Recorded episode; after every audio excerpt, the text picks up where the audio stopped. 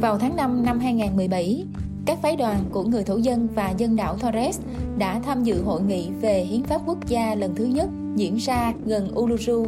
và đã thông qua tuyên ngôn Uluru từ trái tim. Bản tuyên ngôn đề xuất sự thay đổi trong hiến pháp Úc để công nhận những chủ nhân đầu tiên của quốc gia và đưa ra một lộ trình nhìn nhận dựa trên sự thật, công lý và quyền tự quyết.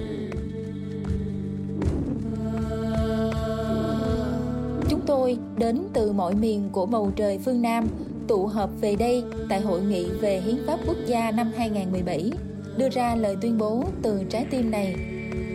Các bộ lạc thủ dân và dân đảo Torres là những chủ nhân đầu tiên của lục địa Úc và các đảo lân cận là chủ sở hữu theo luật lệ và phong tục của chúng tôi. Tổ tiên của chúng tôi đã làm như vậy dựa trên nền tảng văn hóa của chúng tôi từ buổi sáng thế, theo thông lệ phổ biến từ thời thượng cổ và đã được khoa học chứng minh là đã có từ hơn 60.000 năm trước. Chủ quyền này là một ý niệm về tinh thần, thể hiện sự ràng buộc từ thời xa xưa giữa vùng đất này, giữa mẹ thiên nhiên với người thổ dân và dân đảo Torres, những người đã sinh ra ở đây và luôn gắn bó với nơi này và một ngày nào đó sẽ trở về để đoàn tụ với tổ tiên của chúng tôi. Sự gắn kết này là nền tảng xác định quyền sở hữu đất, hay nói đúng hơn là chủ quyền. Quyền này chưa bao giờ bị nhượng lại hoặc hủy bỏ, và cùng tồn tại với chủ quyền của Vương quốc Anh. Làm sao có thể khác được khi những cư dân này đã sở hữu một vùng đất trong 60 thiên niên kỷ mối gắn kết thiên liêng đó làm sao có thể biến mất khỏi lịch sử thế giới chỉ trong 200 năm ngắn ngủi vừa qua. Với những thay đổi về nội dung hiến pháp và cải tổ cấu trúc,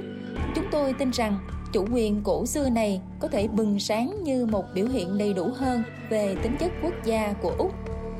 Với những thay đổi về nội dung hiến pháp và cải tổ cấu trúc, chúng tôi tin rằng chủ quyền cổ xưa này có thể bừng sáng như một biểu hiện đầy đủ hơn về tính chất quốc gia của Úc.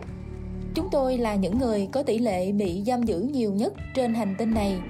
Chúng tôi không phải là tội phạm bẩm sinh. Con cái của chúng tôi bị buộc phải rời xa gia đình với mức độ chưa từng thấy.